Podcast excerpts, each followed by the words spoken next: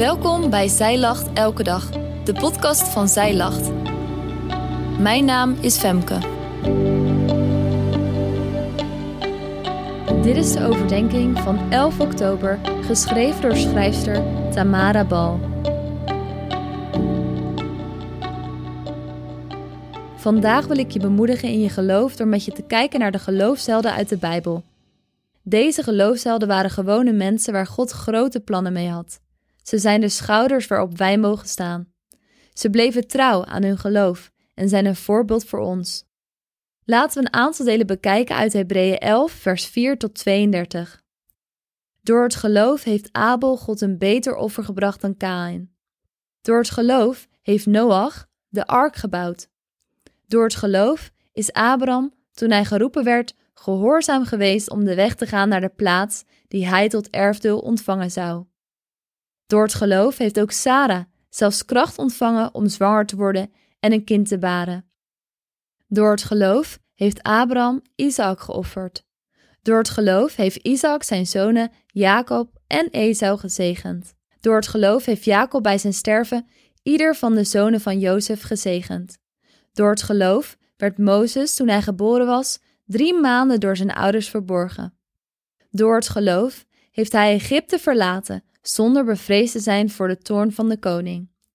Door het geloof is Ragab, de hoer, niet omgekomen, omdat zij de verkenners met vrede had ontvangen.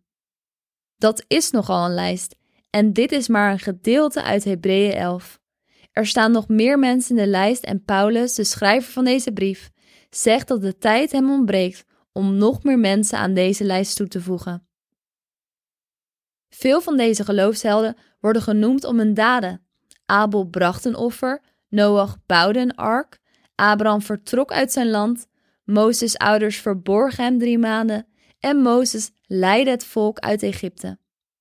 In Hebreeën 12 vers 1 staat, Wel nu dan, laten ook wij, nu wij door zo'n menigte van getuigen omringd worden, afleggen alle last en de zonde die ons zo gemakkelijk verstrikt. En laten wij met volharding de wedloop lopen die voor ons ligt. Paulus noemt de geloofshelden om de lezers van zijn brief aan te moedigen om niet op te geven, maar trouw te blijven aan het geloof. Hij zegt eigenlijk: laten we doorzetten en de goede strijd strijden. Kijk naar alle mensen die ons zijn voorgegaan. Als we kijken naar alle moeilijkheden die deze geloofshelden moesten doorstaan, dan kunnen wij ook onze moeilijkheden doorstaan. Geen van de bovenstaande geloofshelden had de zekerheid dat het resultaat van hun geloofsactie positief zou zijn.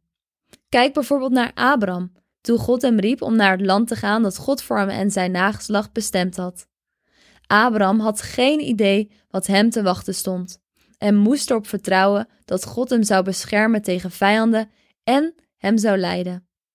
Rahab had de verspieders geholpen en ze hadden beloofd haar te sparen, maar tot die tijd had ze geen zekerheid of ze daadwerkelijk gespaard zou blijven. En Jacob zegende zijn zonen, terwijl hij stervende was en de uitwerking van de zegen niet meer met zijn eigen ogen kon zien. Wat al deze geloofshelden gemeen hebben, is dat ze trouw bleven aan hun geloof. Ze gaven niet op toen het moeilijk werd. Wat een voorbeeld voor ons. Als ik me probeer te verplaatsen in deze geloofshelden en de onzekerheid die zij gevoeld moeten hebben, voel ik, voel ik me bemoedigd dat zoveel geloofshelden ons zijn voorgegaan en dat zij de schouders zijn waarop wij mogen staan. Ik hoop dat dit Bijbelgedeelte jou vandaag bemoedigt. Het geloof van Abraham, Mozes, Rahab en alle anderen in de lijst en hun vertrouwen op God laat de trouw van God zien. Hij hield hen vast, leidde hen had geduld met hen en beschermde hen. En Hij is vandaag nog steeds dezelfde. Dus laten we met volharding de wedloop blijven lopen, want Hij is erbij.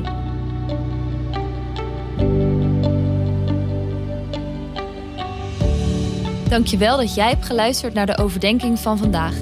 Wil je de overdenking nalezen? Check dan onze website.